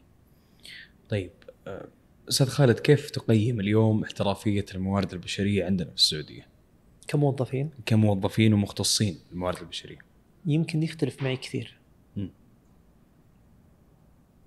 وبي- و- ومو بيمكن أكيد بيختلف معي كثير مم. في هذا الموضوع أي. لكن أنا أفتخر في هذا الرأي مم. إحنا عندنا أفضل مختصين ومحترفين للموارد البشرية على مستوى العالم العربي خليج والعالم العربي. سعوديين. عجيب. وكثير منهم ينافسون يعني مختصين ومحترفين موارد بشرية عالميين عجيب. أنا شفت موظفين محترفين. أنا خلينا نسميهم محترفين مم. عشان المستويات. جميل. شفت محترفين موارد بشرية. اطلاع على كل تغيير وكل تطور في هذا المجال. أفضل ممارسين في في العالم العربي تلقاهم في في مجال الموارد البشرية السعوديين. اقتصاد قوي اقتصاد متنوع في تحديات كثيرة. موظف الموارد البشرية له دور كبير. م. متى بانوا الموارد البشرية؟ ومتى صار فيه اهتمام فيهم أكثر؟ بعد أزمة الك... أو أثناء أزمة الكورونا. الشركات أو أصحاب الأعمال اللي قدرت تتعامل مع أزمة الكورونا كان فيها مدير موارد بشرية صاحي صاحي هو اللي يوجه أو مسؤول موارد بشرية هو اللي يوجه صاحب أو السي أو رئيس تنفيذي أو صاحب المنشأة. هو اللي مطلع. وبعدها صار في اهتمام. إحنا نشتغل في التوظيف. وأنا أحضر اللجان للتوظيف. أكثر فترة تغييرات وطلب على الموظفين الموارد البشرية صارت بعد أزمة الكورونا. حتى الموظفين صار اللي كان متخصصين في الموارد البشرية طوروا من أنفسهم من بعد أزمة الكورونا. عشان كذا أقول لك أنا أقولها وبكل فخر أفضل محترفين موارد بشرية في العالم العربي هم السعوديين. ولا هم قصورا في الباقيين لكن أنا أعتز وأفتخر إنهم أفضل ناس. أن الصورة النمطية تقول العكس يعني. شلون؟ الصورة النمطية تقول العكس. الصورة النمطية مأخوذة. في بعض الأشياء إحنا تؤخذ طقطقة. عرفت؟ بس كثرة كثرة وجهة النظر هذه. هذه فضاوة فضاوة الحين إيش إيش دور المس... الدور الرئيسي حق موظف الموارد البشرية؟ طبعا الموارد البشرية علم تحت أشياء كثيرة بس خلينا نعم. نتكلم إحنا مثلا اللي فيه احتكاك مع ما بين جميع الأطراف هو شؤون الموظفين م. جزء من قسم الموارد البشرية جميل. الدور الحقيقي يحفظ حقوق الموظف أمام الشركة ويحفظ حق الشركة الموظفين اللي بيصف مع جهة ضد الآخر يمكن يكون في خلل في دوره. أضعف مدير موارد أشوف أضعف مدير بالنسبة لك للموارد البشرية هو اللي يقول تجيه تتكلم معاه في أي موضوع يقول لك الإدارة العامة. م. هذا هذا إنسان يعتبر ضعيف. أيه. طقطقة اللي قاعدين يشوفونها تشبيه موظفين الموارد البشرية بفئة معينة. طقطقة. ترى على فكرة هذه مو بس في السعودية هذه المستوى العالمي. م. ليش؟ انه يقول لك أوه هذول يحكمون وهذول قاسيين طيب أنت مخالف للنظام ومؤدي أنت المفروض أصلا تروح جنائي. ما تبي نفصلك. أنا بأدي أمانتي. مو معناه إني أنا أدي أمانتي إني أنا سيء. فالصورة النمطية هذه تركها. هذه سلبية. ترى زي اللي يقول لك آه، يعني في في مواقف كثير بعد ما ودنا نذكرها. لكن هي مأخوذة من فضاوة وطقطقة وبس. أكثر موظفين يعانون موظفين الموارد البشرية أنا أتكلم على الموظفين الموارد البشرية اللي أنا أعرفهم واللي أنا أشوفهم اللي هم يؤدون أدوارهم بأمانة ليش؟ م. لأنه يؤدي دوره بأمانة يحاول أن يقرب وجهات النظر ويحاول أن يؤدي يعني ما يكون في أي خلل لا من الطرف هذا ولا من الطرف هذا. جميل. طيب محمد لك تغريدة تكلمت فيها عن أربع هضاب تشكل عائق لمنشآت القطاع الخاص. وش هي الأربع هضاب هذه؟ وكيف ممكن تتم معالجتها؟ أتكلم عن الهضبات اللي موجودة في القطاع الخاص. م. وهذه لها تأثير كبير حتى في عملية آه، رفع التراكم المعرفي ورفع مستوى المهارات وكيف نقدر موضوع موضوع ترى جدا جميل خاصه للمهتمين في الموارد البشرية إنه يقرون عنه ويطلعون يطلعون على على هذا الموضوع ودراسات كثيرة حول هذا الموضوع. في عندك أربع رئيسية. الهضبات الوظيفية وفي الهضبات الهيكلية وفي الهضبات المهنية وفي الهضبات الشخصية، هذه أنا أعتبرها يمكن الأربع. وطبعا ممكن مع التطور ممكن تشوف مثلا هضبة تكنولوجية في أشياء كثيرة بس خلينا نتكلم عن الأربع الهضبات الرئيسية. جميل. أول واحدة الهضبة الوظيفية. لما تنعدم فرص الترقية افقيا أو يعني افقيا أو عموديا توصل في انت في درجة وظيفية خلاص جمد. معناها صار عندك هضبة وظيفية ما عاد تقدر تتحرك. هذا تعريفها. جميل. الهضبة الهيكلية لما تنعدم فرص الانتقال بالهيكل التنظيمي إلى أعلى ما عاد في فرص للترقيات إلى أعلى جميل الهضبة المهنية تنعدم فرص الانتقال أو تقل فرص الانتقال افقيا بسبب نقص المهارات لدى العامل هذه مهنية الهضبة الشخصية العامل نفسه ما يبغى ينتقل بالرغم من وجود فرص للانتقال عمودي أفقي ما يبغى يخاف. فهذا هو سبب لنفسه هضبة شخصية. هذا موضوع جدا مهم. المختصين في الموارد البشرية يربطون هذا الموضوع يسوون تقسيم لبعض الوظائف يسوون تقسيم حتى للأشخاص العاملين م. ويربطونها في عمليات التطوير والتدريب اللي موجودة. ترى على فكرة مهارات تعلق في مهارات الشخص. شفت الهضبة الشخصية؟ والهضبة المهنية من أهم الهضبات هذه الموجودة اللي لازم يكون فيها تركيز عليها. الهضبة الشخصية أنا توظف أحد الموظفين عندي بدون الذكر هو ذكر ولا يعني الجنس الذكر ولا انثى يعني ما شاء الله عليه موظف جدا جدا مبدع. لكن طبعا إذا لك موظف بغض النظر هو ذكر ولا أنثى. ما يبغى مسؤوليات. كنت أقول له أنت قاعد تبني هضبة شخصية لك. قال ما ما أبغى أصير مسؤول أحد. إيه. اضغطني بالشغل. بس ما أبغى أصير مسؤول أحد. أنا أبغى أشيل مسؤوليتي أنا نفسي طيب ليش تخلق؟ أنت حرام. تقدر توصل بشكل أسرع من غيرك. ما يبغى. فهو اللي خلق لنفسه الهضبة. الشخصية. حلها تطوير الموظفين توسيع القاعدة الهيكل التنظيمي. ع- الحين في الوقت الحالي قد تشوف إنك إن منشأة صغيرة. الهيكل التنظيمي حقها جدا بسيط. أنا الحين أنصح المنشآت وسع هيكلك التنظيمي. ليش وسع هيكلك التنظيمي؟ الوظائف الكريتيكال اللي تبغى تحافظ عليها خل فيها مسار. محاسب محاسب أول. خل في تدرج عشان يعرف إنه بينتقل من هنا إلى هذا المستوى. أي. وهذه ترى كلها فن. شلون أنت تسويها في الهيكل التنظيمي. لكن ترى هذا الموضوع جدا مهم إنه يقرون أصحاب الأعمال ويقرون حتى المختصين في الموارد البشرية والموظفين الآخرين يهتمون ال- الجانب الهضبات المهنية والهضبات الشخصية لأن قد تعيق تطورهم ووصولهم إلى مراحل وظيفية أعلى. جميل جميل طيب على ذكر التغريدات برضو في تغريدة ثانية لك تكلمت فيها عن واحدة من أهم المهارات هي مهارة هندسة الأوامر صحيح. وش هي هذه المهارة تحديدا؟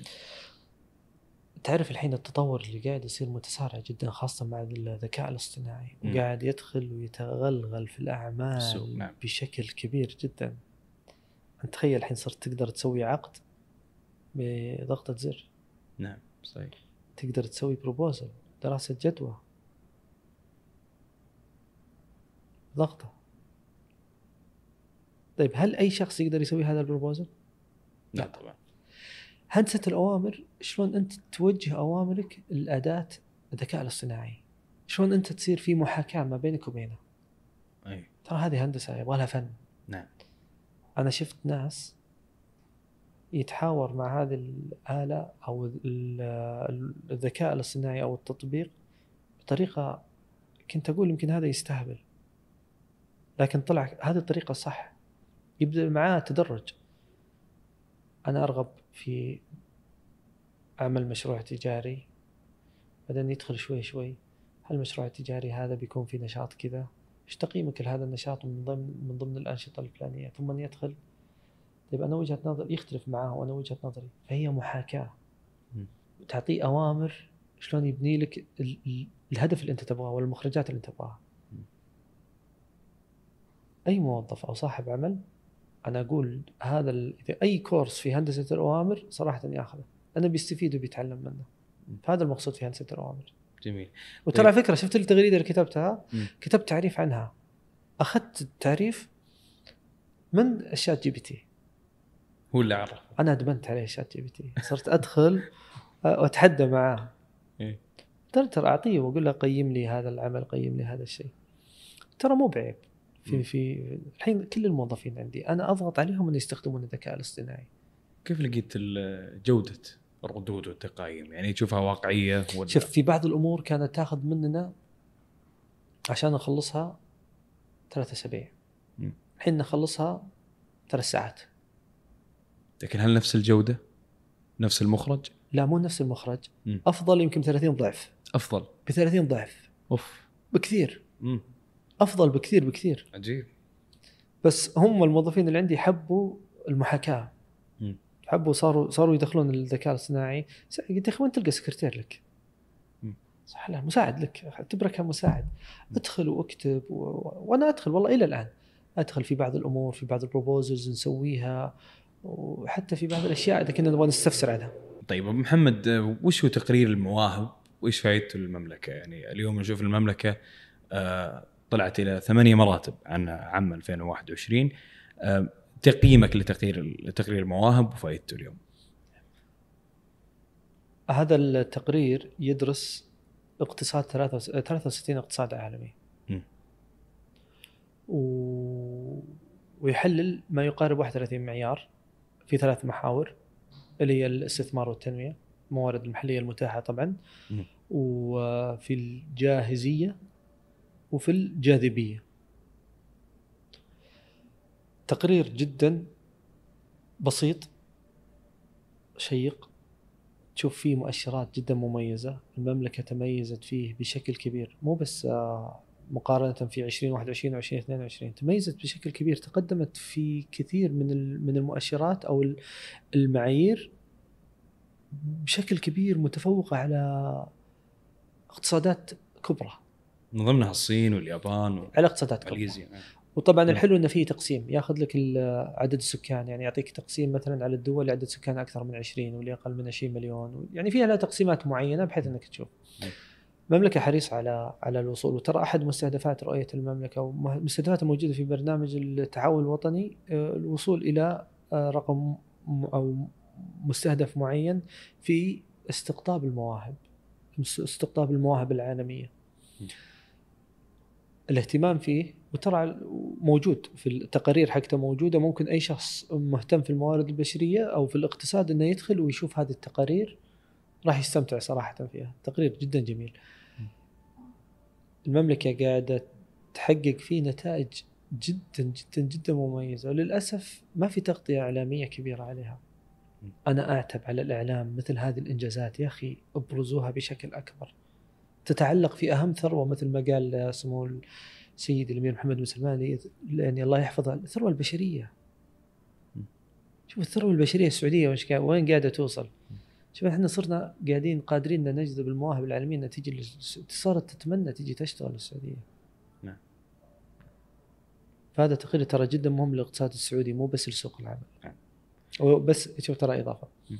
أنا أشكر وزارة الموارد البشرية م. لأن لها دور كبير في وصول يعني في كثير من المبادرات اللي اشتغلت عليها وزارة الموارد البشرية حتى لو كان في اختلاف بالآراء لمجرد هي اختلاف بالآراء في بعض في بعض المبادرات لكن مبادرات كان لها أثر كبير والأثر قاعدين نشوفه في نتائج التقرير هذا اللي هو تقرير المواهب جميل. طيب أم محمد اليوم قاعدين نشوف في خصخصة في القطاع ال- في القطاع الخاص آه، أو عفوا في القطاع العام. وش رأيك في الخصخصة وكيف راح يأثر اتجاه ال- الخصخصة هذا على موضوع ال- الوظائف؟ هل ممكن نشوف اليوم الناس تفضل القطاع الخاص عن القطاع العام اللي هو عكس اللي اللي صاير قبل فترة؟ وش رأيك في الموضوع؟ تفضيل القطاع الخاص عن تفضيل القطاع العام هو بالمميزات فقط لا غير. وأنا اعتقد انه في القريب العاجل راح يكون فيه توحيد لل الإجازات وما الإجازات هذا شيء لابد منها نعم. الخصخصة أمر مهم ولابد من تطبيقه في المملكة. على بعض القطاعات مشكل للقطاعات. ولازم يكون تطبيقه بدون أي أثر يعني يكون مع مراعاة عدم رفع التكاليف على المستفيدين من الجهة المعينة. م. وهذا شيء أكيد أن الدولة حريصة عليه. نوعية الوظائف أو طريقة الوظائف ما بعد الخصخصه تم الإعلان عنها. م. باختصار إذا تملك مهارات تطور من نفسك ما عليك خوف. أما إذا كنت تتوقع إن النظام أو العرف القديم إن موظف حكومي ما راح أو أنا خلاص موظف حكومي ببقى قطاع الأخر لأن في خصخصة في إنتاجية في مهارات يتم تقييمك عليها في مؤشرات راح يتم محاسبه محاسبتك عليها في أهداف لازم لابد إنها تتحقق. ما في أي جهة حكومية إلا عليها أهداف نعم. مرتبطة بشيء اللي يخص مستهدفات رؤية المملكة. اللي بيبقى المميز. أي احد مميز ما عليه خوف. زي الحين التوظيف. أنا ما قد شفت أحد يملك من المؤهلات والخبرات ومميز يقول لك أنا ما حصلت وظيفة. نرجع نقول توفيق من الله لكن آه، هو ما يحتاج إنه يدور وظيفة. الشركات اللي تجيه أصحاب العمل هم اللي يتوجهون له. فانت مع الخصخصة لابد أن الموظفين نوعية الموظفين تتميز طيب محمد أنت عدت تغريدة آه، كانت تتكلم عن الصف الثاني والصف الأول وأنه في ناس خلقوا للصف الثاني في الوظائف. إيش المقصود بوظائف الصف الأول والصف الثاني؟ أنا أشكر أول شيء اللي كتب التغريده أنا ما أذكر اسمه. لكن كانت تغريدة جدا مميزة وكنت أيد الكلام اللي كتبه فيه اللي كتبه يعني كان كلام جدا رائع واختصر اختصر نقاش طويل بتغريدة. في بعض الأفراد هي إمكانيات وقدرات ومهارات. يبدع في الصف الثاني يعني ما يكون هو الواجهة مش رئيس تنفيذي الصف الثاني. أو الصف الثالث. يعني نقدر نقول الصف الأول هم الواجهة. الصف الأول واجهة. أي. الصف الثاني. وترى على فكرة أنا دائما أنظر إن الصف الأول هو اللي يدخل لك ال- ال- الفلوس للشركة. اي هو مصدر الدخل هذا الصف الأول اي لكن إحنا نتكلم عن الهيكل التنظيمي جميل. هو مم. كان يقصد الهيكل التنظيمي أن الصف الأول الإدارة عليا. الصف الثاني لا الصف الأول كثاني ممكن يعتبر الرئيس مم. الصف الثاني هو الإدارة. إحنا نسميه N minus 1 مم. بعدين الصف تجي الصفوف الأخرى جميل. كمستويات وظيفية جميل. إذا أنت بتشيل شخص من مكان إلى مكان وتعطيه مهام أكثر وهو ما عنده المهارات ولا عنده القدرات ما عنده مهارات القيادية ولا القدرات القيادية قد تدفن هذا الشخص. تدمره. خلاص هو هو هنا. أكثر من كذا ما يقدر. هذه هذه إمكانياته. فهو خلق إنه يوصل إلى هذا المنصب. لا تعطيه منصب أعلى وتدمره. لا تضغط على شخص بأكثر من إمكانياته ثم يندمر ما عاد يقدر يحقق. ثم تضر ال position وتضر هذا الشخص. هذا المقصود فيها. طيب كيف ممكن اني اصير موظف صف أول؟ وترى على فكرة أنا مروا علي موظفين كثير ما شاء الله عليهم عندهم 15 سنة و20 سنة خبرة. technical wise مرة مرة يبهرونك. لكن ما عندهم أي مهارات قيادية. ما في أي ما عنده مهارات كمدير. بس مش قائد وترى على فكرة هذه اختلفوا في اختلفت فيها الآراء واختلفوا فيها المختصين ناس يقول لك بالفطرة تجي وناس بيقول لك بال فاختلفت فيها الآراء طيب وش هي وش هي مواصفات القائد اللي يحتاجها؟ اللي اللي قصدك إيش المواصفات القيادية اللي هو يحتاجها إي كيف أقول إن هذا شخص هذا الشخص لو ما. يعرف لو يعني أنا بقول لك أنت لما تكون مدير مع نفس المدراء صف واحد كلكم مدراء. صرت أنت رئيس على هذول المدراء. شلون تقدر أنك تتعامل معهم؟ ترى بتواجه صعوبة. صحيح. وصعوبتك أكثر من صعوبة شخص جديد جاء للمنظمه م. في يوم من الأيام كنت معهم في نفس ال- الليفل. فأنت كيف تتعامل مع هذولي؟ مو سهل. عملية التواصل عملية عمليات التواصل القيادي عمليات الإقناع عمليات مواجهة المشاكل وحل المشاكل وحل الأزمات وإدارة التغيير. هذه كلها مهارات قيادية يمكن يحتاجها وفي ناس يقول لك أنا ما بيها. أنا أعرف ترى في ناس يقول لك أنا ما أبغى الوظيفة الأعلى. وصل إلى وظيفة عالية ما يبغى الأعلى منها. ما يبغى الأعلى منها. ومروا علي ناس ما شاء الله عليهم لا وصل. يملكون صفات قيادية في ص- صفة قائد يعني شخصية القائد إنه يدير طيب وش رأيك في فكرة ثلاث أيام اجازه هذه؟ من أي ناحية؟ إني أنا مع ولا ضد؟ إي ما أشوف منها أي مردود اقتصادي، ما منها أي فائدة. ما منها فائده إيش الفائدة ثلاث أيام اجازة؟ يعني عطني إيش الفائدة من ثلاث أيام اجازة؟ أنت اذا إذا كنت أن- ودائما أقول للشخص تبغى ثلاث أيام اجازة؟ سوي لك أنت كون صاحب business. خذ ثلاث أيام إجازة، خذ- خذ أربع أيام إجازة. خذ أسبوع. لكن أنا مع مع الوظائف إنها يعني تكون ما أتفق مثلا مع إجازة اليوم الواحد. هذه ما أتفق. يعني أنا أميل مثلا إجازة اليومين. لكن هذا النظام الموجود نظام نظام عالمي ترى كله موجود. الاجازه هي يوم واحد. لكن اضافوا في بعض المنشآت عندها ميزه انها تعطي أنا أميل لاجازه اليومين. تفضلها يعني. أفضل يا أخي طبيعيا الإنسان ترى بيرتاح بيشوف أنت حياتك ترى مو كلها شغل تبي تشوف مجتمع الأقارب تبي ترتاح. أنا مع إجازة اليومين عشان بعد ما ياخذون بعد المقطع ذا ويقول لك إيه. ضد أنا صحيح. أنا مع إجازة اليومين لكن ضد إجازة ثلاث أيام جميل جميل طيب برضو في واحد من تغريداتك أبو محمد آه، تكلمت إن ملكية المشاريع وإدارتها ممكن تكون واحدة من أصعب الوظائف. اللي نفهمه من التغريدة هذه إنك يعني هل أنت ما تنصح أن الواحد يبدأ مشروعه الخاص آه، إلا بشريك واللي يبدأ في مشروعه الخاص كيف تتوقع أنه ممكن يديره بنجاح؟ شوف آه، أخوي سيف ترى صدق يعني أنا يوم كتبتها. كتبتها ترى صدق يعني من اللي من اللي أشوفه. أنا صاحب مشروع. وأصدقاء مقربين ومحيط اللي أنا المقرب اللي أنا أجلس معهم أصحاب مشاريع تحديات كثيرة تغيرات اللي في السوق كثيرة كثيرة بشكل متسارع. في تحديات نقدر نتجاوزها في تحديات ما نقدر نتجاوزها منافسة كبيرة. أحيانا ما ما تعتمد فقط على المنافسة تعتمد أحيانا بعض التشريعات من بعض الجهات. تكون قاسية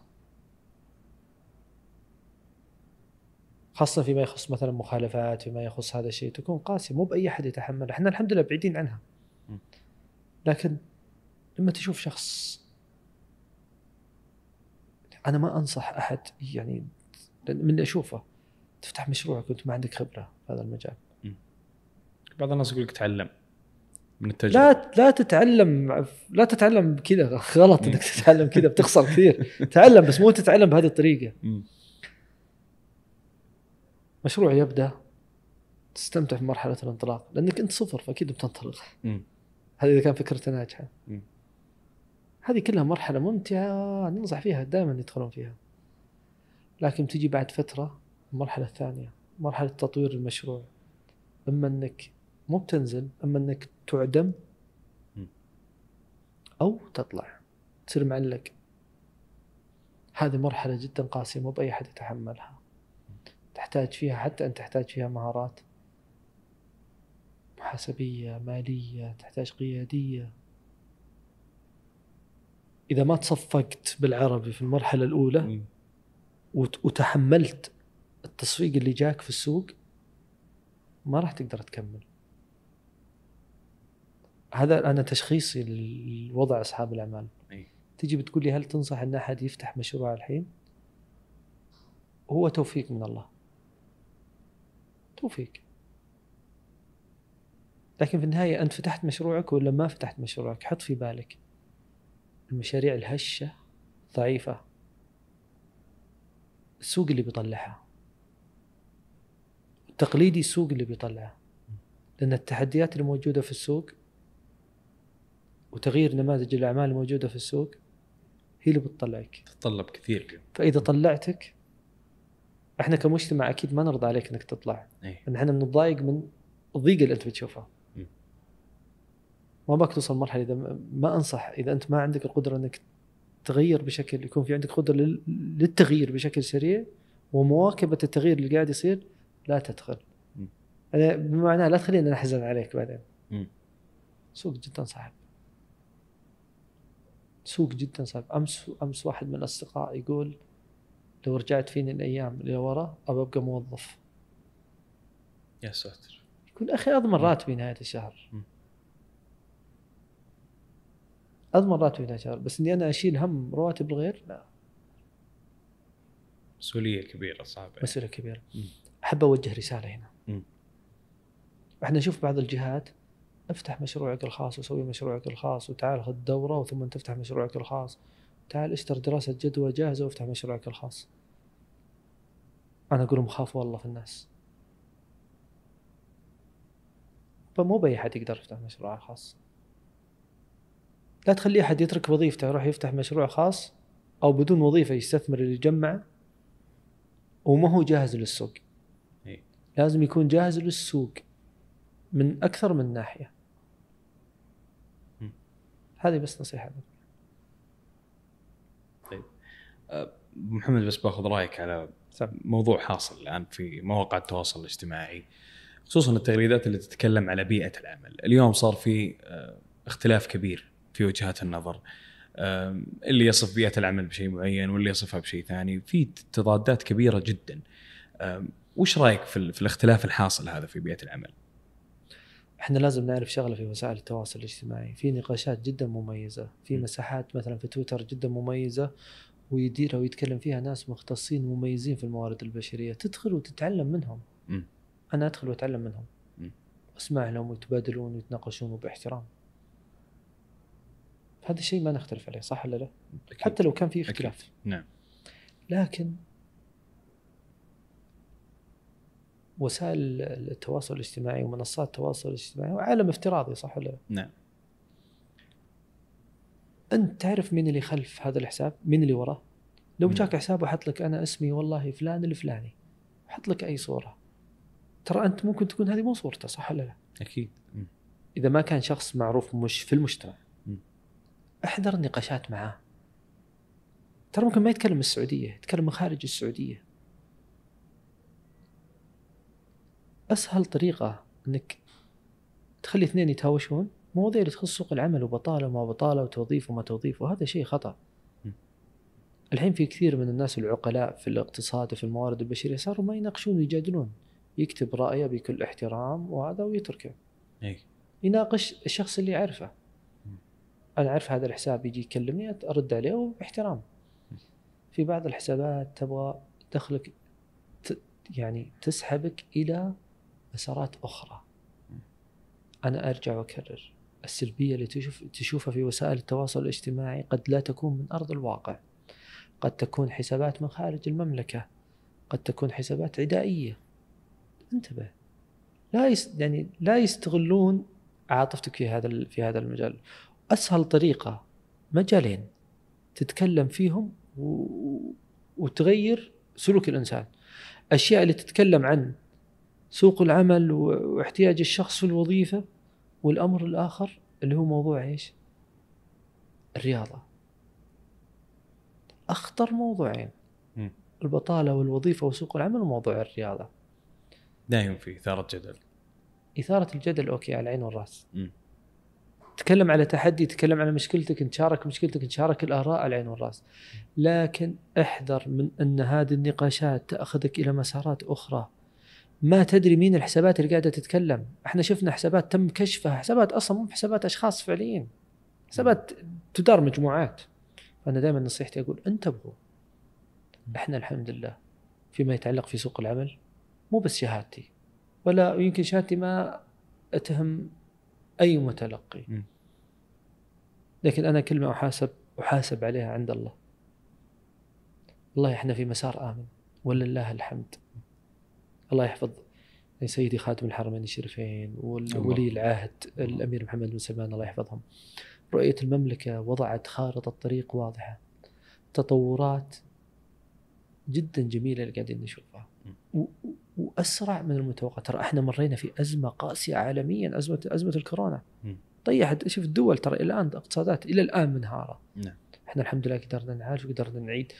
نحول مسارنا بعد ما ارتفعت وهذا شيء طبيعي في كثير من المؤشرات خاصة مثلا معدلات البطالة. بدأنا ننزل نوصل لمستويات قياس- قياسية وبعضها تجاوزنا مستهدفات 2030 وبعضها آه، قريبة منها. فالحمد لله إحنا في أمان. والتوفيق من الله. والحمد لله الحكومة حريصة جدا. حريصة جدا على هذه الأمور. وكثير من المبادرات واللي تخص سوق العمل راح نشوف استنساخها في كثير من الدول.